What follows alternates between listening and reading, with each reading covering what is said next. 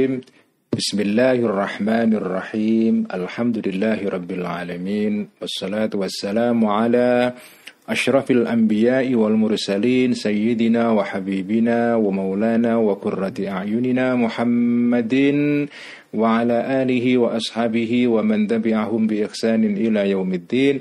رب اشرح لي صدري ويسر لي أمري واحلل عقدة من لساني يفقه قولي. Rabbi zidna ilma warzuqna fahma amin ya rabbal alamin amma ba'du. Teman-teman semua mari kita mulai kembali ngaji kitab Faisalut Tafriqah Bainal Islami wa Zandaqah karangan Hujatul Islam Abi Hamid Al-Ghazali. Kitab ini sudah kita kaji selama bulan puasa kemarin dan seperti tradisi saya dalam dua tahun sebelumnya setiap bulan puasa ngaji kitab Ihya plus satu kitab kecil karya Al Ghazali yang lain ya. Tahun ke, tahun ini kita ngaji kitab Faisalut Tafriqah ya. Uh, risalah kecil Imam Ghazali yang sangat penting sekali karena temanya berkenaan dengan tema toleransi ya. Toleransi di dalam umat Islam ya. Di dalam Eh, keragaman yang ada dalam tubuh umat Islam, kita harus saling menenggang rasa, mentoleransi ya. Jadi semangat kitab ini adalah kitab toleransi ya. Meskipun uh, kitab ini uh, hanya sebatas membahas toleransi di dalam tubuh umat Islam. Karena itu kitab ini perlu dikembangkan lebih jauh. Semangatnya bagus ya. Jadi kita kembangkan lebih jauh uh, agar kita bisa mengembangkan juga toleransi secara lebih luas ya. Tetapi kadang-kadang ya toleransi internal itu lebih susah daripada toleransi eksternal ya. Toleransi atau tenggang rasa menghargai perbedaan di dalam uh, umat agama yang sama itu lebih susah ya toleransi antara golongan-golongan dalam Islam itu lebih susah daripada toleransi di antara umat Islam dengan umat dari agama yang lain. Jadi toleransi internal itu kadang-kadang lebih susah karena pertengkaran dalam rumah tangga itu kadang-kadang jauh lebih berat daripada pertengkaran antar tetangga ya. Jadi pertengkaran di dalam rumah tangga ya. Dalam bahasa Inggrisnya itu intramural konflik ya, konflik di dalam di dalam tembok yang sama yaitu sesama keluarga satu ayah ibu ya itu kadang-kadang lebih susah diatasi daripada konflik dengan tetangga yang lain.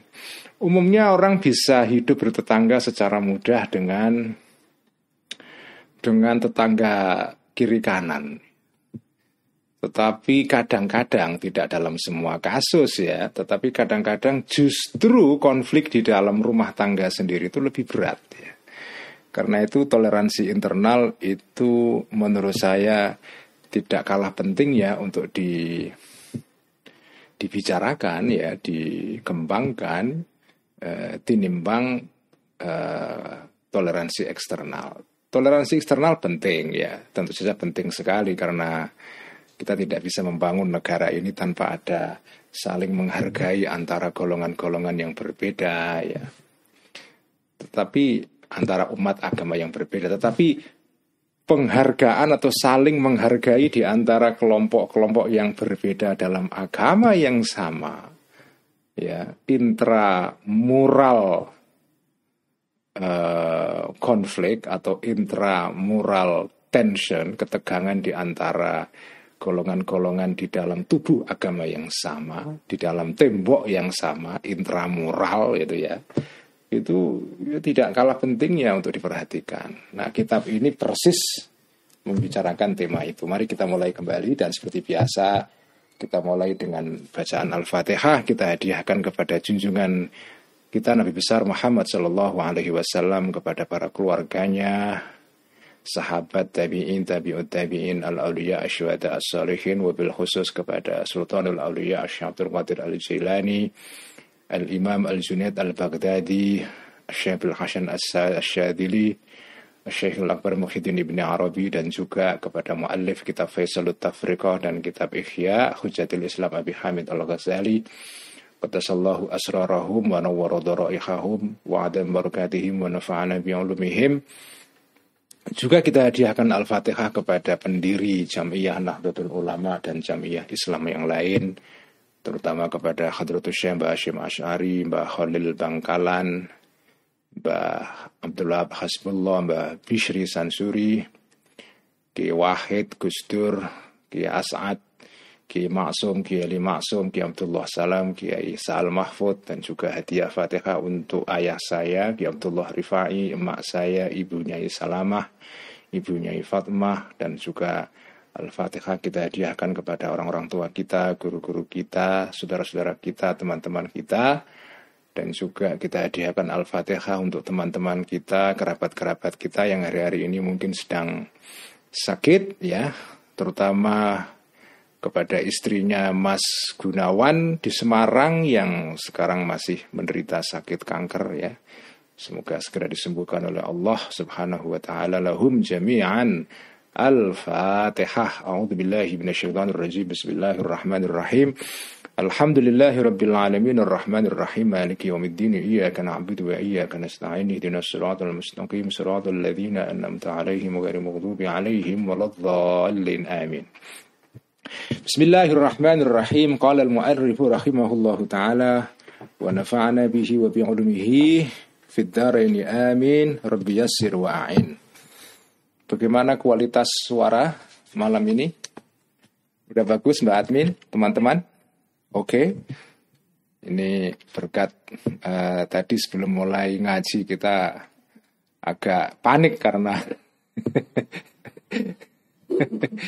karena ada masalah mikrofon kembali ya, tapi ini tadi alhamdulillah sudah kita atasi.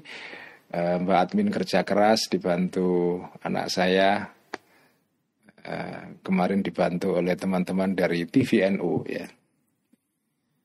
Uh, kitab uh, Faisalut Tafriqah halaman 68 Teksnya sudah saya sebarkan uh, barusan ya. Mungkin kalau ada yang tidak punya dan kepengen menyimak dengan melihat kitabnya monggo. Kalau belum punya bisa beli atau juga bisa memprint out uh, teks atau teks PDF yang sudah saya uh, sebarkan atau saya bagikan tadi. Bismillahirrahmanirrahim fanzuril ana kaifa awwala hadha haitsu qama al-burhan wa indahu ala istihalati zahirihi fayaqulu al-yaminu tuqabbalu fil 'adati taqarruban ila sahibiha jadi ini kita berada di dalam pembahasan fasal ya yang judulnya ini sudah kita baca. Kita setelah lebaran sudah pernah ngaji kita Faisal ya. Sudah kayaknya. Sudah atau malah belum ya.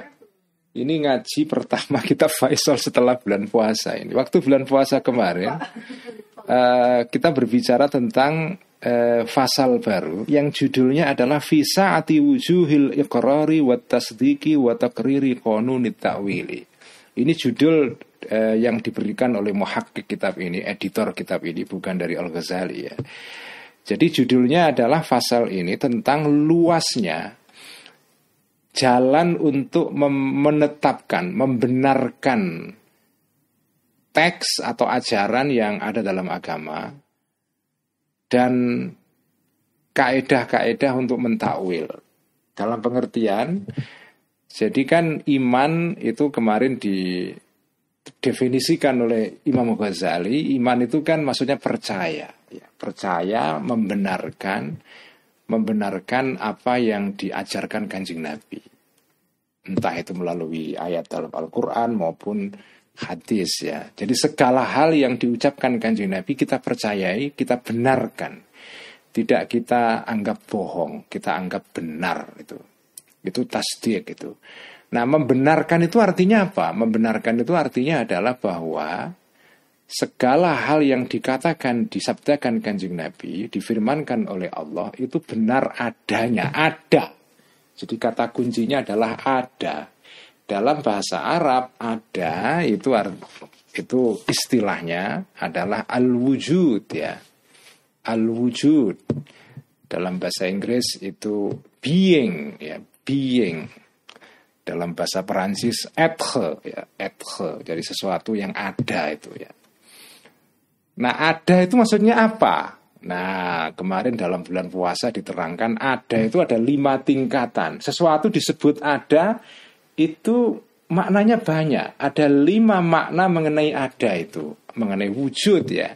Ada wujud yang disebut dengan wujud mati, wujud hissi, wujud akli, wujud syabahi, wujud uh, khoyali ya. Jadi sudah diterangkan pada pada bulan puasa yang lalu.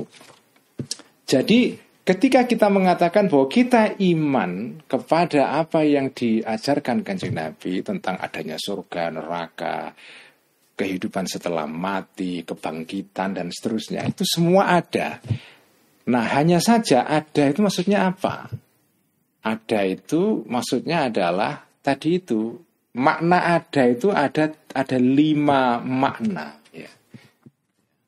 Ini sekedar untuk mengulang kembali ya eh, apa yang sudah dijelaskan eh, dulu yang pertama. Jadi ada itu maknanya berbagai macam ya. Ada yang disebut ini sekedar untuk mereview kembali ya. Ada yang disebut dengan al-wujudu zati, wujud secara zati. Ya, wujud secara zati. Wujud secara zati itu apa?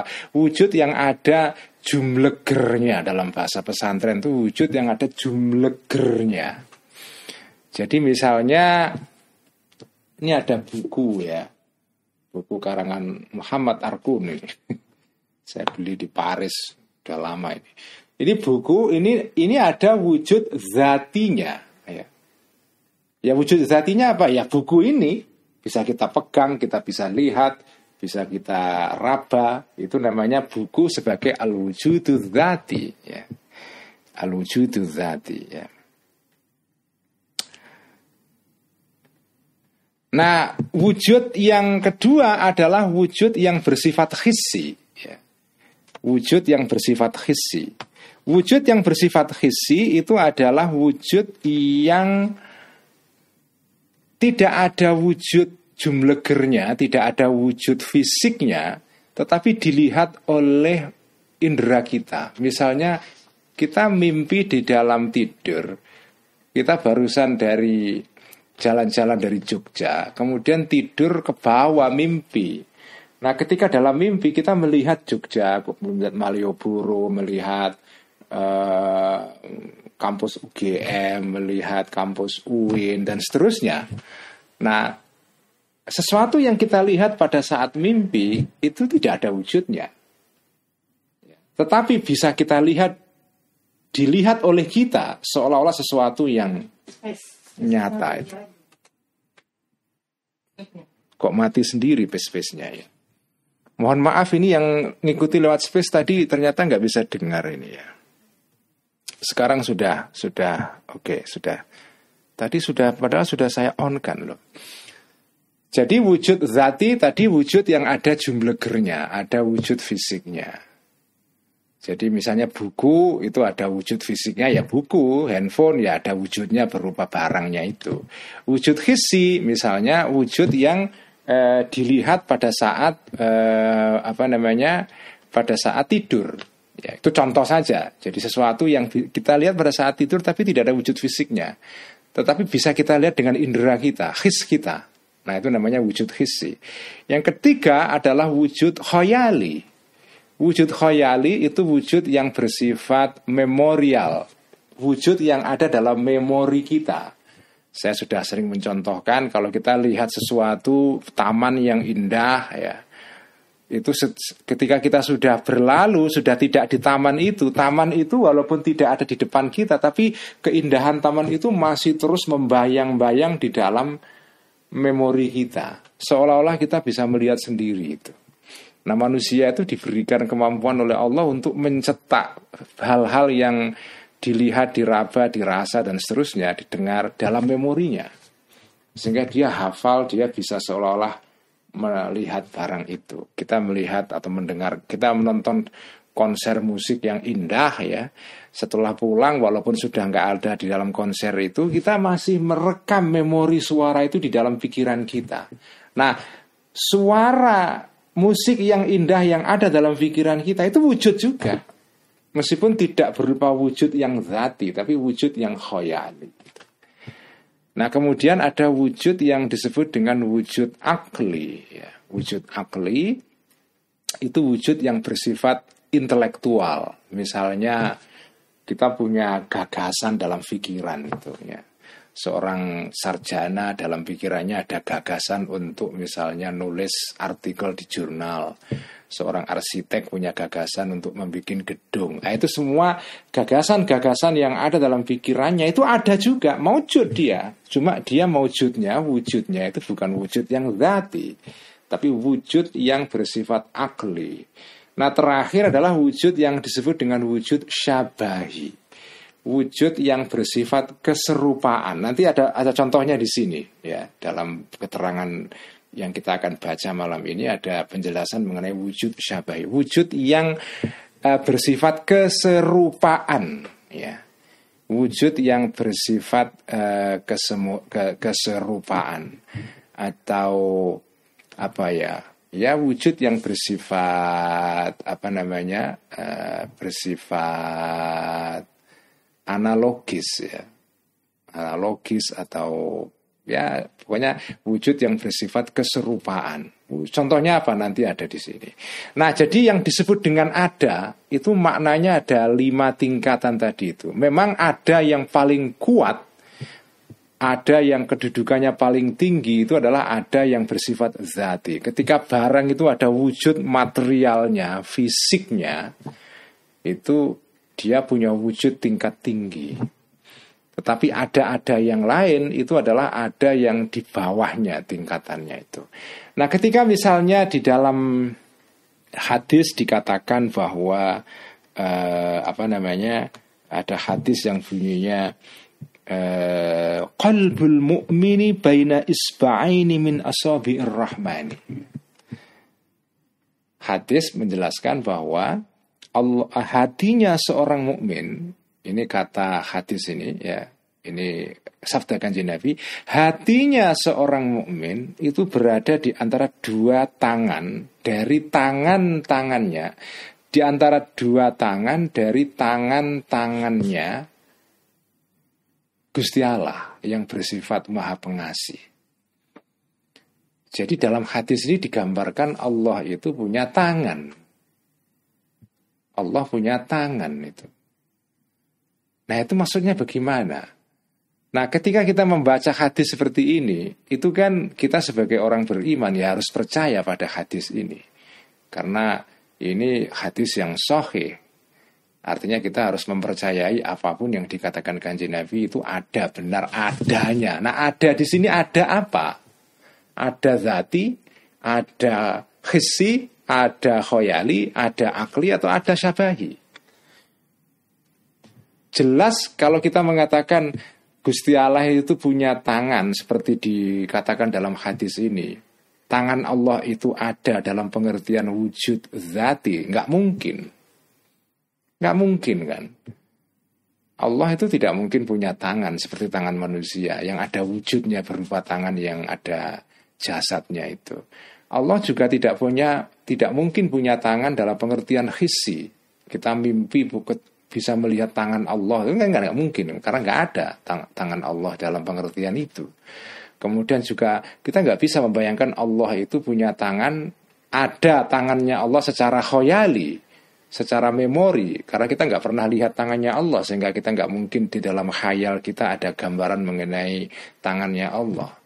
Begitu juga secara akli, nggak mungkin kita nggak akal kita tidak bisa membayangkan adanya uh, akal Allah. Satu-satunya kemungkinan memahami ini, nah ini namanya takwil ini. Makanya ngaji malam ini judulnya yang saya tulis di dalam judul ngaji malam ini itu adalah takwil itu tidak terhindarkan dalam agama. Meskipun ada perbedaan madhab di dalam antara golongan-golongan dalam Islam ya. Ada madhab madhab salafi misalnya itu nggak mau takwil. Ya sudah kalau Allah itu mengatakan dalam berfirman dalam Quran Allah punya tangan ya sudah. Kita percaya Allah punya tangan. Bagaimana tangannya? Kita nggak usah bahas. Nah, selesai begitu. Itu kalau madhabnya uh, teman-teman salafi, wahabi, ahli hadis dulu ya. Ya nggak apa-apa, yang percaya begitu juga tidak masalah, kita hormati. Tapi kalau madhab Ash'ariyah, akidah Ash'ariyah yang diikuti oleh sebagian besar umat Islam di dunia saat ini, termasuk di Indonesia oleh warga NU ya, itu mengatakan bahwa ditakwil. Nah, akidah Asyariah itu punya pendekatan takwil. Takwil itu artinya adalah kita percaya mengimani bahwa Allah itu punya tangan karena hadisnya ada. Cuma tangan di sini maksudnya apa? Tidak mungkin tangan dalam pengertian wujud hati, nggak mungkin dalam pengertian wujud khisi, khoyali, akli. Yang paling mungkin adalah wujud tingkat terakhir, yaitu wujud syabahi. Wujud syabahi, nah malam ini akan kita baca ini. Jadi uh, ya bagian ini itu mengatakan bahwa umat Islam itu beda-beda. Salah satu kelompok dalam Islam yang paling tidak mau mentakwil, menghindari takwil karena dianggap takwil itu sesuatu yang tidak ada pada zaman Kanjeng Nabi. Karena itu kita nggak boleh mengada-adakan sesuatu yang tidak ada pada zaman Kanjeng Nabi karena itu bid'ah. Karena itu dalam bagian sebelumnya dikatakan bahwa kelompok dalam Islam yang pal dalam soal akidah ya, yang paling menjauhi tindakan takwil adalah kelompok pengikutnya Imam Ahmad ibnu Hambal, pengikut madhab Hambali, yang kemudian belakangan ya diikuti oleh kelompok-kelompok teman-teman Salafi dan kelompok Wahabi. Teman kita juga mereka umat Islam, kita nggak boleh mengatakan teman-teman Wahabi itu bukan teman, teman juga ya. Mereka bagian dari umat Islam juga. Kita beda pendapat, tapi teman-teman Wahabi, teman-teman Salafi itu bagian dari umat Islam juga. Kalaupun mereka mengkafirkan kita yang Asyariah, tidak apa-apa. Mau dikafirkan tidak patean. Ya. Tapi tetap kita kita anggap mereka sebagai bagian dari umat Islam. Karena semangat kitab Faisalut Afrika itu untuk mengembangkan sifat sikap toleransi. Kalau bisa semua orang itu kita anggap Muslim. Ya, mengkafir-kafirkan itu kalau bisa dihindari lah ya. Dihindari. Kalau bisa kita takwil pendapat seseorang itu supaya tetap muslim. Itu ya udah kita anggap muslim. Jadi dicarikan alasan-alasan supaya mereka orang itu tetap dalam Islam. Karena ada semangat kelompok tertentu itu dicarikan jalan kalau bisa yang jadi muslim itu sedikit mungkin. Hanya kelompoknya sendiri. Yang lain itu nggak Islam. Jadi seolah surga milik dia saja. Ya nggak bisa itu. Ya. itu bukan semangat akidah asyariah seperti diajarkan oleh Imam Ghazali. Jadi sikap um, kelompok Sunni ala ala ahli sunnah wal jamaah seperti diikuti oleh NU ini. Dan saya kira sikap yang sama juga ada pada teman-teman Muhammadiyah ya. Teman-teman Persis teman-teman apa itu Al Irsyad ya saya nggak mengatakan ini hanya ada pada NU saja ya. Ah, sikap toleransi ini ada pada semua kelompok. Nah dalam dalam semangat akidah alusunah wal jamaah seperti dianut oleh NU itu, kalau bisa itu kita carikan alasan seseorang itu tetap dalam Islam. Jangan dicari-cari supaya dia itu bisa dikafirkan. Jangan. Kalau bisa dicari ikhtimalat atau mahamil, mahmal ya Mahmal itu artinya kemungkinan. Oh orang ini mengatakan begini barangkali maksudnya itu seperti ini. Nah kalau maksudnya seperti ini dia tetap Islam. Nah ini uh, takwil ini ini jalan yang ditempuh oleh uh, akidah asyariah. Ketika Allah atau kanji Nabi mengatakan Allah itu punya tangan, hatinya seorang mukmin itu di tangan Allah. Itu tangan Allah itu maksudnya apa? Nah, jadi maksudnya itu ya nanti diterangkan di sini, ditakwil itu. Jadi takwil itu tidak terhindarkan. Bahkan pengikutnya Imam Ahmad ibnu Hambal itu terpaksa juga mentakwil dalam tiga hadis. Had, ya ini sudah diterangkan sebelumnya. Hadis yang pertama adalah yang bunyinya al hajarul aswadu yaminullahi fil ardi Hajar Aswad itu adalah karena ini bulan haji ya. Hajar Aswad itu adalah tangan kanannya Allah di bumi. Nah menghadapi hadis ini Imam Ahmad itu terpaksa mentakwil. Padahal dia tidak kepingin mentak. Dia ini salah satu imam dalam Islam yang paling tidak suka takwil, tapi dalam hadis ini terpaksa menghadapi hadis ini beliau mentakwil. Yang kedua hadis yang tadi bunyinya qalbul mu'mini baina isba'aini min asabi'ir rahman. Uh, hatinya seorang mukmin itu ada di tangan Tuhan. Itu ya terpaksa Imam Ahmad mentakwil hadis ini. Yang terakhir hadis ketiga adalah inilah ajidu nafasar rahmani min kibali janibil yamani. Aku kanji Nabi itu apa ya melihat merasa atau uh, melihat bahwa dari tanah Yaman itu saya melihat, saya merasakan ada nafasnya Allah yang Maha Rahman, Maha Kasih itu. Jadi dari Yaman itu ada nafasnya Allah itu. Loh, Allah kok punya nafas maksudnya apa? Nah, menghadapi hadis ini juga sama. Imam Ahmad yang sebetulnya kurang suka dengan takwil terpaksa mentakwili itu. Jadi lihat saja, nah itu kata Al Ghazali. Lihat saja orang yang dianggap paling menjauhi takwil yaitu Imam Ahmad terpaksa ketika menghadapi tiga hadis ini mentakwil. Nah takwil itu dibolehkan, tidak terhindarkan bahkan. Fandur maka lihatlah al-ana sekarang kaifa bagaimana awala mentakwil hadza orang ini yaitu yaitu Imam Ahmad maksudnya. Hadza imam ini Imam Ahmad ya. Haitsu qama ketika sekiranya atau ketika atau saat ya. Itu itu tidak saat tapi pak ya sekiranya tegak ya, al burhanu dalil bukti yang tidak tersangkal ya. Indahu bagi hada bagi orang ini yaitu Imam Ahmad alastihalati dalil terhadap apa? Alastihalati zahiri terhadap mustahilnya zahirnya hadis apa itu? Hadis tadi ya al madhkur minal ahadits salasa ya.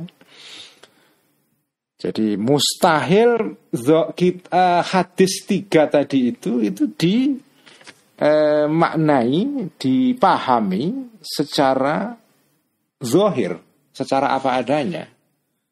Fayakulu maka berkata ini imam ini tadi imam Ahmad mengatakan al yaminu tuqabbalu fil adati taqarruban ila sahibiha.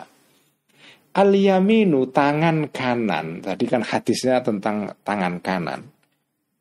Hajar Aswad itu tangan kanannya Allah di bumi. Ya, itu maksudnya apa tangan kanan di sini? Nah, menurut Imam Ahmad atau orang yang mengikuti Imam Ahmad ya, takwilnya adalah begini, tangan kanan itu tuqabbalu dicium dicucup ya.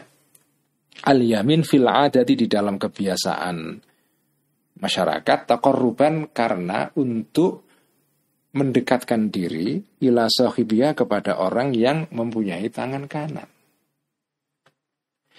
Wal hajarul aswadu dan hajar aswad batu hitam aidon juga yuqabbalu dicucup dicium Hajar Aswad takarruban untuk mendekatkan diri ilallahi ta'ala kepada Allah ta'ala.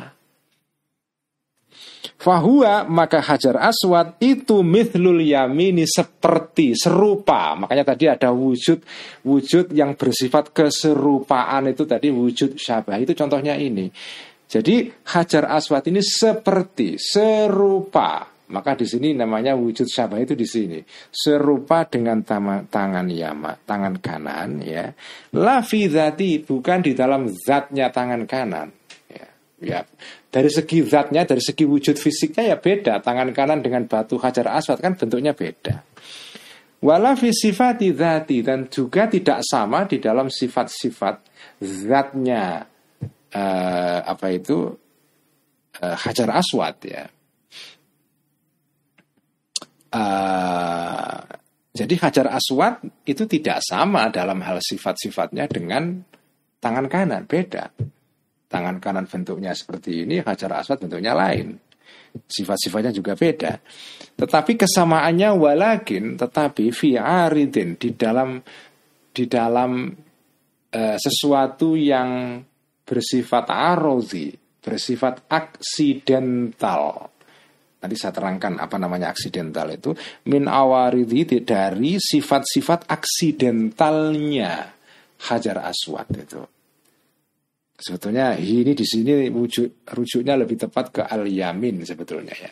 Cuma kata al yamin itu dalam bahasa Arab tangan kanan itu statusnya muannas. Jadi mestinya itu min awaridhiha. Tapi ya bisa saja kita rujukkan kepada Hajar Aswad, lafalnya muzakkar, tetapi kalau dari segi makna lebih tepat dirujukkan kepada al-yamin tangan kanan. Tetapi al-yamin itu mu'annas, mestinya awaridhiha, lafidatiha, walafisifatidzatiha, begitu. Ha, bukan hi. Nah bagaimana caranya untuk mengatasi kesulitan seperti ini? Kalau menurut ayah saya, kalau menghadapi kesulitan rujuk seperti ini, ada domir, domirnya mudakar, rujukannya mu'annas. Itu cara ngatasinya ya sudah. Rujuknya adalah al-madhkur, sesuatu yang sudah disebutkan sebelumnya. Al-madhkur itu kan bentuknya mudakar. Ya. Al-madhkur, sesuatu yang sudah disebutkan sebelumnya. Karena yang disebutkan kata ganti, domir itu rujuk kembali kepada sesuatu yang terletak sebelumnya. Nah, rujuknya kepada lafal al-madhkur min. Nah, al-madhkur yang sudah disebutkan tadi itu.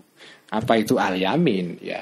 Katanya sendiri, rujukannya sendiri mu'annas, tetapi tapi rujukannya diakali dengan dirujukan kepada kata al-madhkur. Itu kalau menurut strategi ayah saya begitu. Ayah saya ya dari dari gurunya yaitu Mbah Muhammadin Pondoan.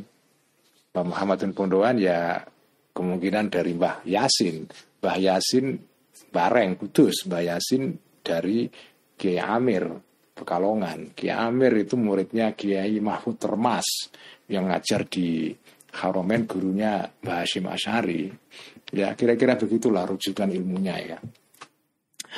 Jadi uh, fayusamma maka disebut uh, Hajar Aswad itu yaminan sebagai uh, tangan kanan ya Wahada dan ini takwil seperti ini wahada ini adalah alladzi samainahu yang kami sebut ya yang aku al Ghazali sebut hu kepada alladzi al wujud syabahiyah sebagai wujud syabahi.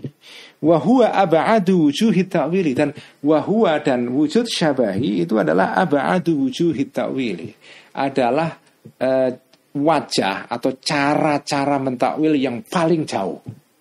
Karena tingkatan wujud syabahi di dalam hierarki wujud tadi itu itu ada di paling rendah yaitu nomor lima.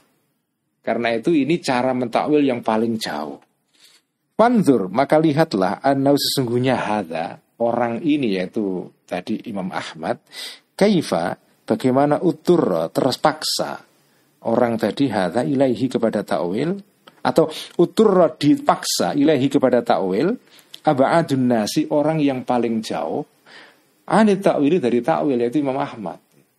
Lihatlah orang yang paling tidak suka takwil yaitu Imam Ahmad terpaksa juga melakukan takwil minimal dalam tiga hadis ini. Caranya apa? Ya caranya menggunakan takwil yang paling jauh. Karena kalau takwil yang paling dekat nggak mungkin memahami memahami tangan kanan Allah itu apa. Tangan kanannya Allah itu pasti ada karena dikatakan dalam hadis. Dalam Quran juga ada ayat mengenai itu. Tapi adanya apa? Ada apa? Ada wujud ada atau wujud zati? Tidak mungkin karena Allah nggak mungkin punya tangan yang ada wujud zatinya seperti manusia. Wujud khisi tidak mungkin, wujud khoyali tidak mungkin, wujud akli tidak mungkin. Apa yang tersisa? Wujud syabahi. Apa itu wujud syabahi? Wujud keserupaan. Karena, nah ini caranya mentakwilnya itu asik sekali ini kan. Makanya teologi itu bagi saya pelajaran yang menarik karena rasional. Ada permainan intelek atau permainan akal di sini mengajari akal kita supaya bekerja karena kita dianugerahi Allah dengan akal ya kita pakai ya. Nah caranya bagaimana? Caranya begini.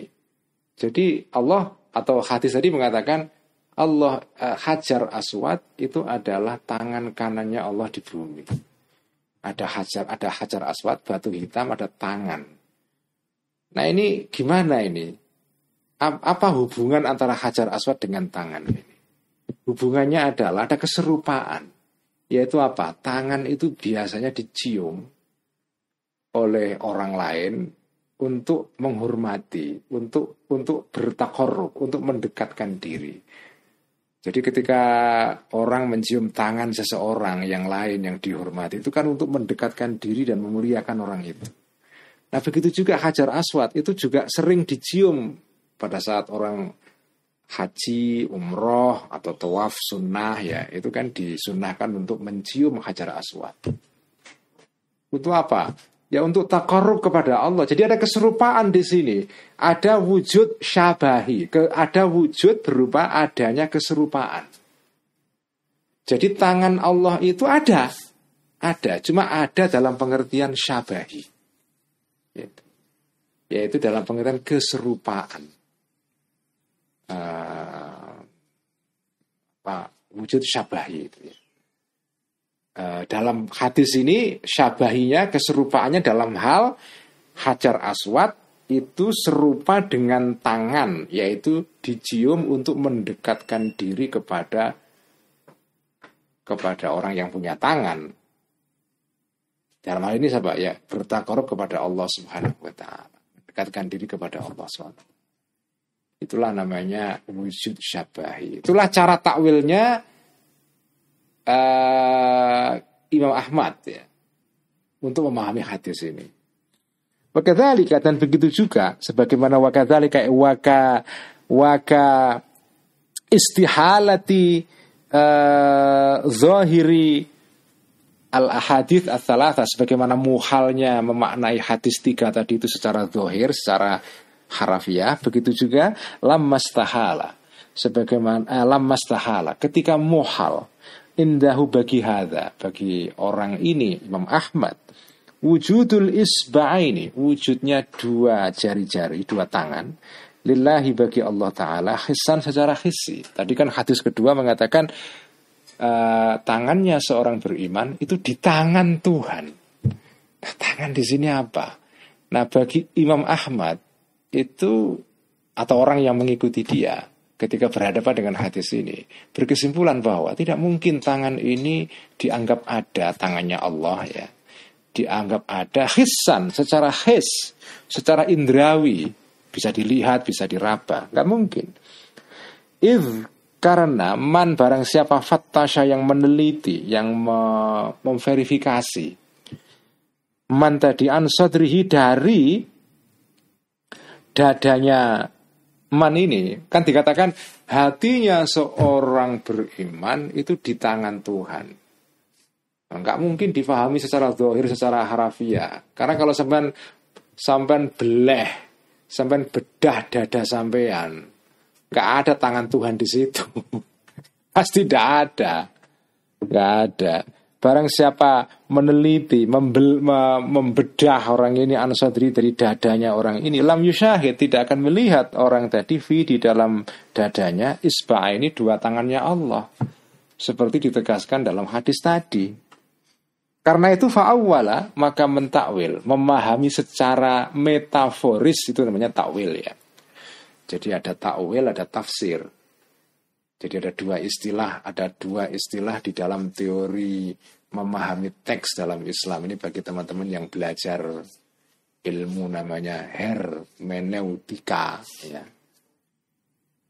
Uh, yang diarabkan dengan istilah al hermeneutiko ya yaitu hermeneutika itu dikenal dua pemahaman jenis pemahaman tafsir takwil tafsir itu artinya adalah memahami teks memahami kalimat berdasarkan makna lahiriahnya, makna kamusnya lah kira-kira gitu. Makna yang bersifat uh, langsung. Begitu kita baca teks ini maknanya secara kamus ini yaitu itu yang kita pahami itu namanya makna tafsir itu. Takwil itu artinya memahami suatu ujaran secara tidak langsung ya melalui pendekatan metaforis, majas ya dan seterusnya.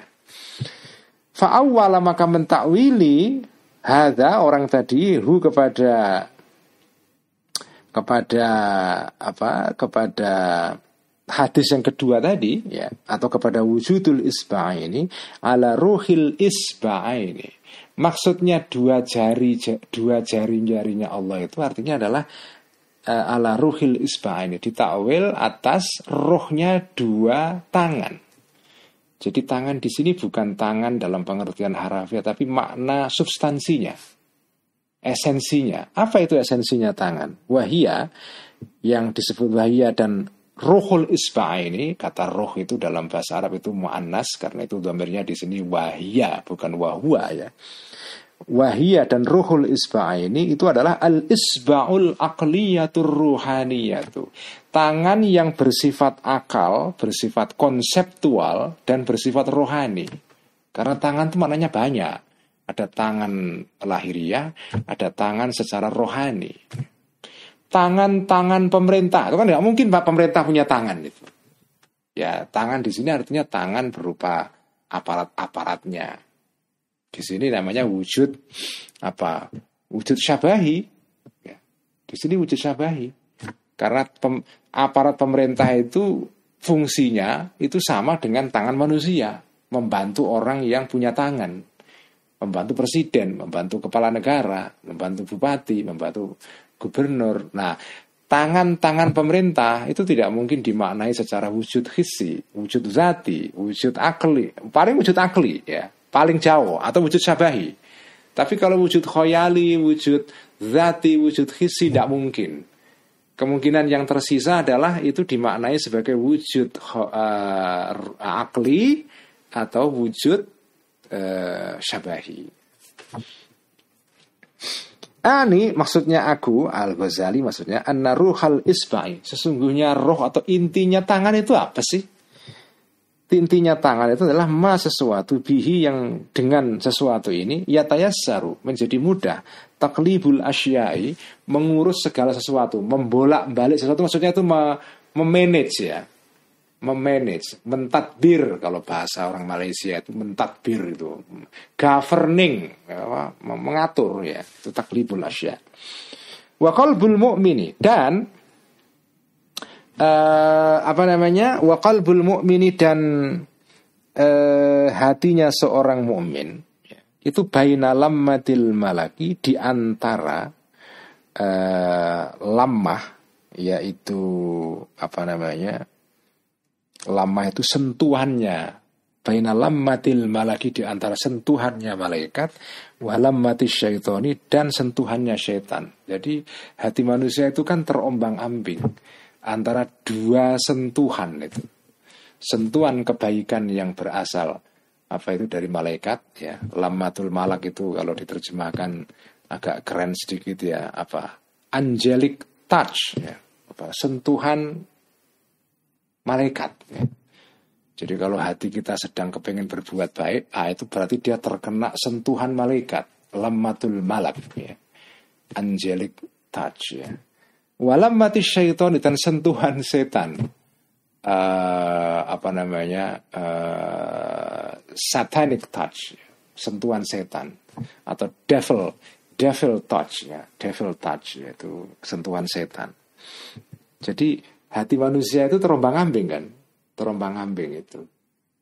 Jadi maknanya hati hati manusia itu di antara dua tangannya Tuhan itu maksudnya begitu jadi hati manusia terombang ambing di antara dua tarikan tarikan kebaikan dan tarikan kejahatan Oh indah sekali ini kan cara menafsirkannya ini.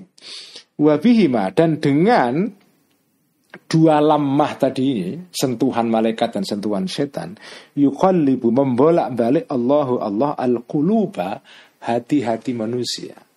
Jadi tangan itu tugasnya kan salah satu fungsi tangan adalah membolak-balik. Dengan punya tangan bisa bolak-balik. Ya, apa saja bisa dibolak-balik. Ya. Begitu juga hati manusia itu dibolak-balik oleh Allah melalui sentuhan kebaikan, sentuhan kejahatan. Jadi tangan Tuhan di situ artinya itu, itu ya, sentuhan itu. Fakanna maka memberi kinaya, memberi pasemon, ya. Eh, atau itu atau fakunnia maka diberi pasemon ya bil isba'aini dengan dua tangan tadi itu anhuma dari lammatul malak wa lammatul syaitan sentuhan malaikat dan sentuhan setan itu. Inilah tafsirnya hadis kedua.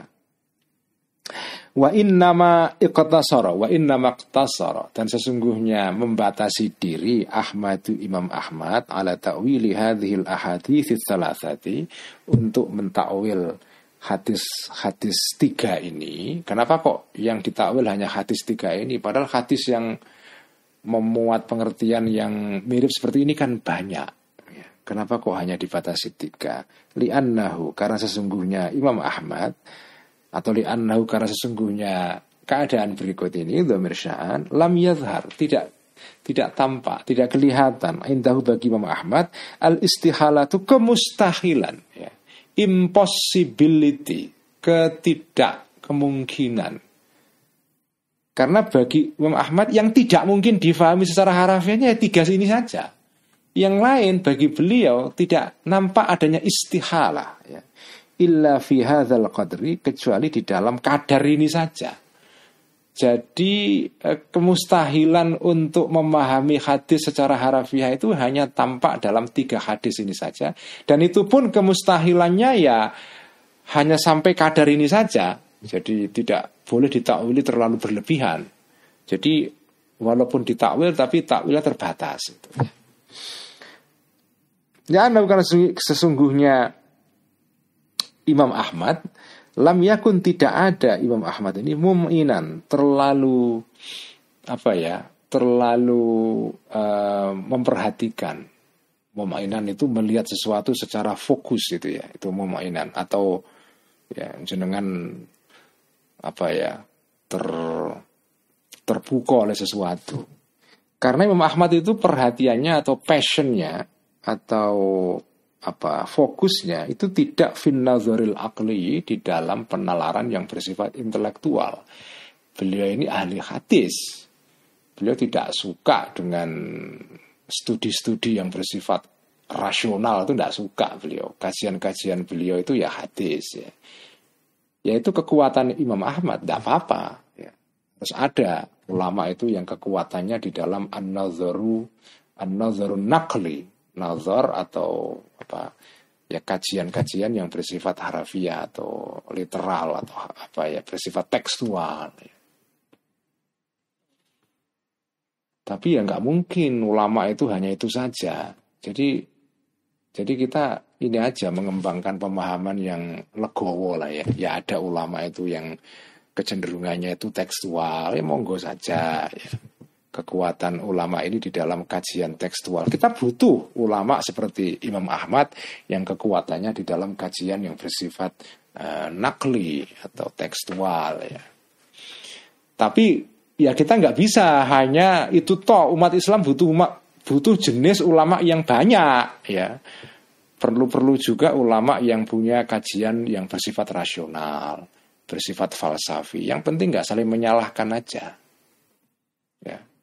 Nah, itu yang saya tidak suka itu kalau saling memojokkan satu yang lain. Itu yang saya nggak suka. Ya sejarah kita memang penuh atau apa ya? Ya kadang-kadang di di dalam sejarah kita itu terdapat lah saling memojokkan satu golongan atau satu madhab, satu pendekatan terhadap pendekatan yang lain. Yang itu sejarah kita de facto begitu. Tapi kita kan tidak bisa memilih. Kita mau melanjutkan sejarah yang saling memojokkan seperti itu, atau kita mengembangkan uh, sejarah baru, sejarah baru yang semangatnya apa? Seperti dikembangkan dalam kitab Faisalut Tafriqah itu. Makanya kitab Faisalut Tafriqah ini pelajaran terpenting dari kitab ini, lesson learn-nya itu toleransi sejarah umat Islam itu memang di dalamnya ada banyak ya pertengkaran, permusuhan, bahkan bunuh-bunuhan karena perbedaan madhab dan perbedaan apa itu pemahaman terhadap masalah-masalah akidah. Tidak saja masalah akidah, masalah uh, furu'iyah, masalah fikih ya, yang tidak bersifat akidah itu itu ya ada Wong kitab ini kan sejarah munculnya kitab ini tuh kenapa Al Ghazali kok ngarang kitab Faisalut Tafriqah? Ya karena beliau dikafirkan oleh orang lain. Beliau dikafirkan oleh orang lain itu. Makanya beliau menulis kitab ini. Jadi lahirnya kitab ini karena beliau dipojokkan, dikafirkan oleh orang lain. Karena ketika itu, karena itu Imam Ghazali ngarang kitab ini semangatnya adalah untuk mengembangkan toleransi. Nah itu yang perlu kita pegang ini. Jadi saya, cara saya memahami kitab ini adalah memegang semangat dasarnya. Apa itu semangat dasarnya? Toleransi. Itu yang kita kembangkan. Adapun de facto sejarah kita dulu sejarah Islam itu ada pertengkaran ini itu ya itu kita harus harus mengakui itu. Ini tidak saja dalam Islam, dalam Kristen juga ada begitu, dalam Katolik juga ada begitu, dalam agama-agama lain, agama Yahudi juga pertengkaran seperti itu ada. Tapi masa kita mau menerus-neruskan pertengkaran itu sampai sekarang? Kita coba membangun sejarah baru, sejarah yang isinya adalah saling menghargai ada ulama seperti Imam Ahmad. Oke, kekuatan beliau dalam hal kajian tekstual. Beliau nggak suka takwil, nggak suka ilmu kalam, tidak apa-apa, ya, tidak apa-apa. Kalau ada pengikut Imam Ahmad yang tidak suka ilmu kalam, monggo, ya, menikmati kajian-kajian hadis, kajian-kajian akidah yang menurut ahli atau uh, ulama salaf, monggo ya, monggo kita hargai. Tapi ini ada jenis ulama atau ulama yang lain yang kekuatannya dalam kajian-kajian yang rasional. Seperti akidah Asyariah yang dikembangkan oleh Imam Ghazali. Ini kan apa? Ya kekuatannya di dalam kajian rasional, takwil dan segala macam. Ya. Dan ini yang paling paling banyak diikuti mayoritas umat Islam sekarang. Jadi mayoritas umat Islam sekarang ini kalau tidak akidahnya itu Asy'ariyah ya Maturidiyah ya jenengan yang ikut ngaji kita Faisal Tafriqah malam ini mungkin nggak sadar, nggak pernah. Saya nggak, saya bukan Asyari kok, saya bukan Maturidi, hanya kan nggak tahu aja. Tapi jenengan itu diam-diam, walaupun nggak tahu, jenengan ngikuti dua, salah satu dari dua kita ini. Kalau di Indonesia ya, kalau jenengan ngaji di langgar dari kecil, ya itu ya besar kemungkinan jenengan terpapar akidah Asyariah, karena itu jenengan seorang Asyari. Karena ini akidah yang paling banyak mayoritas diikuti oleh umat Islam sedunia sekarang. Saya baru pulang kemarin dari kunjungan ke Tunisia bersama Mbak Admin ya. Jadi sama itu, Tunisia itu negeri Islam juga ya, negeri Muslim di tetangganya apa namanya uh, Mesir ya, tetangganya tetangganya Libya. Jadi diapit antara Libya dengan Aljazair itu negara Tunisia. Nah, negara Tunisia ini isinya pengikut-pengikut Asy'ariyah juga. Tidak hanya di Tunisia, di Mesir, Tunisia, ini semua negara yang bagian Afrika Utara itu, dari Mesir, Libya, Tunisia, Aljazair, Maroko, Mauritania itu semua di di pinggiran laut tengah itu ya. Itu semua mayoritas semuanya itu mereka adalah pengikut akidah asyariah akidah asyariah jadi mayoritas umat Islam sekarang ini adalah akidah asyariah itu ya. Ya ya kita pengikut itu ya. Tapi kita juga harus menghormati orang-orang salafi wahabi yang mengikuti Imam Ahmad yang tidak mau takwil monggo saja ya yang penting nggak saling salah saling menyalahkan saja itu ya. Jadi Imam Ahmad ini memang eh, beliau tidak mumainan fin nazaril aqli. Tidak terlalu tertarik dengan kajian-kajian yang rasional. Nah ini komentar Al-Ghazali. Walau amana. Walau amana. Alhamdulillah walau amana dan jika memperhatikan lebih jauh ya, Imam Ahmad ini la zohar maka akan kelihatanlah lahu bagi Imam Ahmad. Ya. Lahu bagi Imam Ahmad. Zalika takwil tadi itu eh, eh, Zalika takwil tadi itu takwil takwil hadis atau ayat ala ghairi ya fil ikhtisasi misalnya di dalam kekhususan ya biji hati faukin ya. biji hati faukin bacanya faukin tidak fau apa fauko karena ini uh, apa namanya uh, kata fauku ini kalau dalam pengertian tempat secara umum dia tidak dia tidak ghairu munsharif tapi munsorif ya biji hati faukin tapi kalau maknanya itu atas secara spesifik maka biji hati fauqa ya. Tapi karena maknanya atas di sini pengertiannya umum ala, ala apa itu alal ma'nal am jadi di sini munsorif ya ala biji hati faukin dengan arah atas. Jadi kan Allah itu kan dalam sebuah hadis juga digambarkan ada di atas. Atau dalam Quran Misalnya Allah itu istawa ala arsh. Allah itu duduk di atas arash, di atas singgah sana. Nah duduk di atas Allah itu kan maknanya atas itu. Nah Imam Ahmad itu tidak mau menakwili ini. Beliau hanya mentakwili tiga hadis tadi itu. Tapi dalam hal istiwa Allah itu ada di atas singgah sana itu Imam Ahmad dan pengikutnya cenderung tidak mau mentakwili pengertian atas itu al-fauqiyah di sini ya.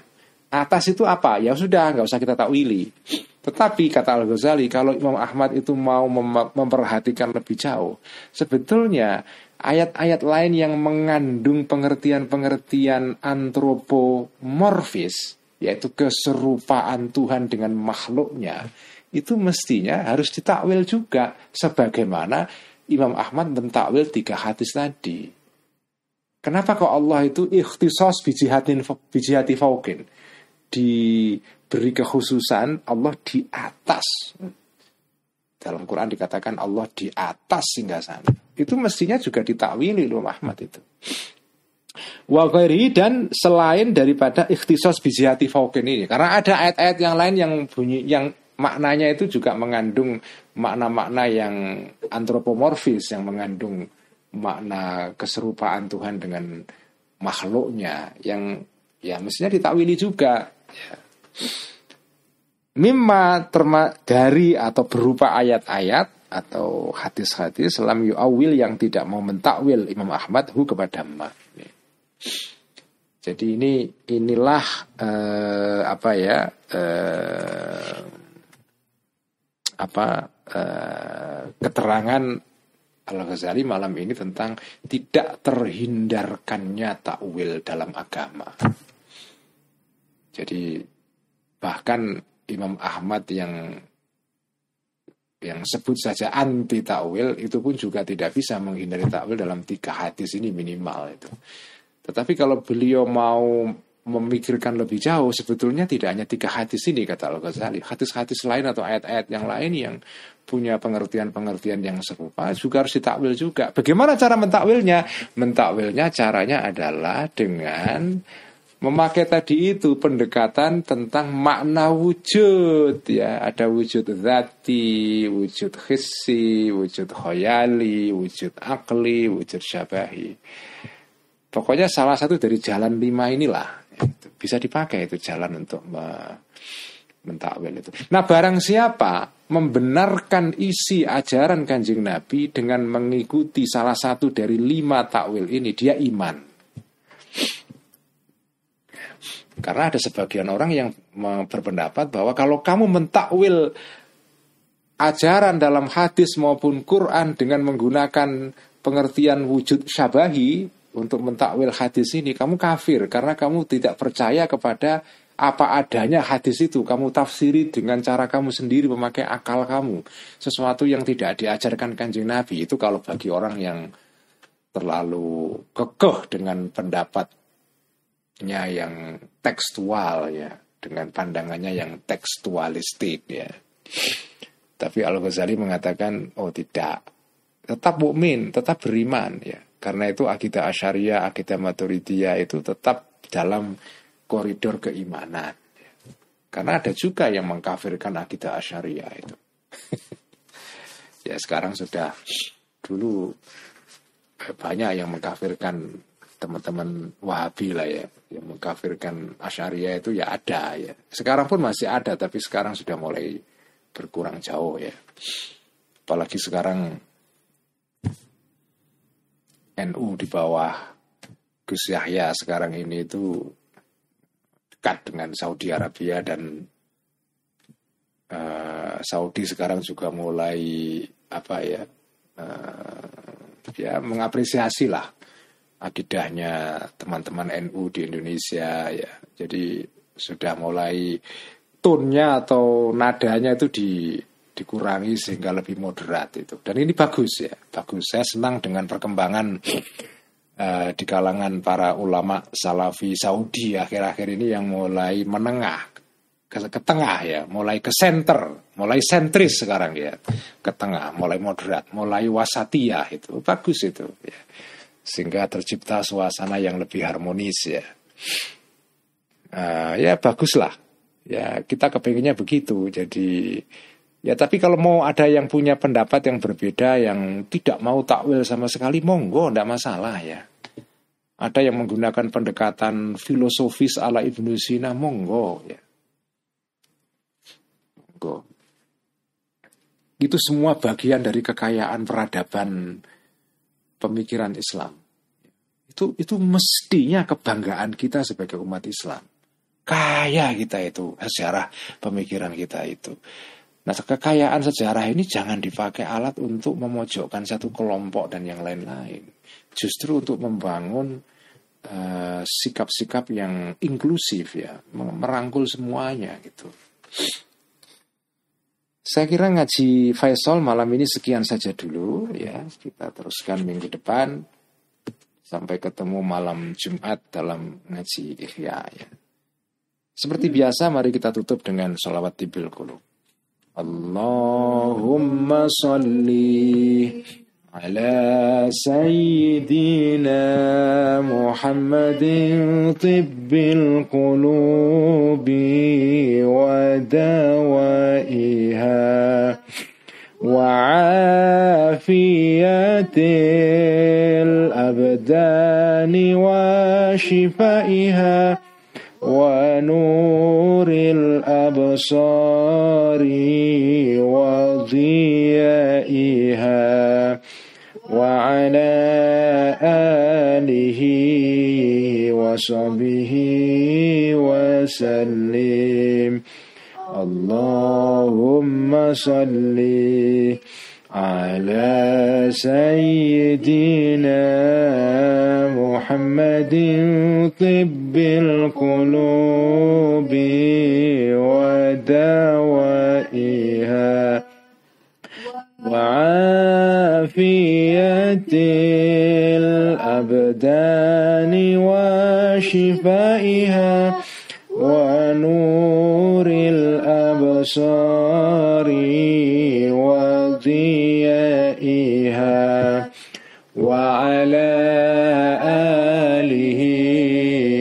وصحبه وسلم. اللهم صل على سيدنا محمد طب القلوب ودوائها وعافية الأبدان شفائها ونور الأبصار وضيائها وعلى آله وصحبه وسلم. سكيان السلام عليكم ورحمة الله وبركاته.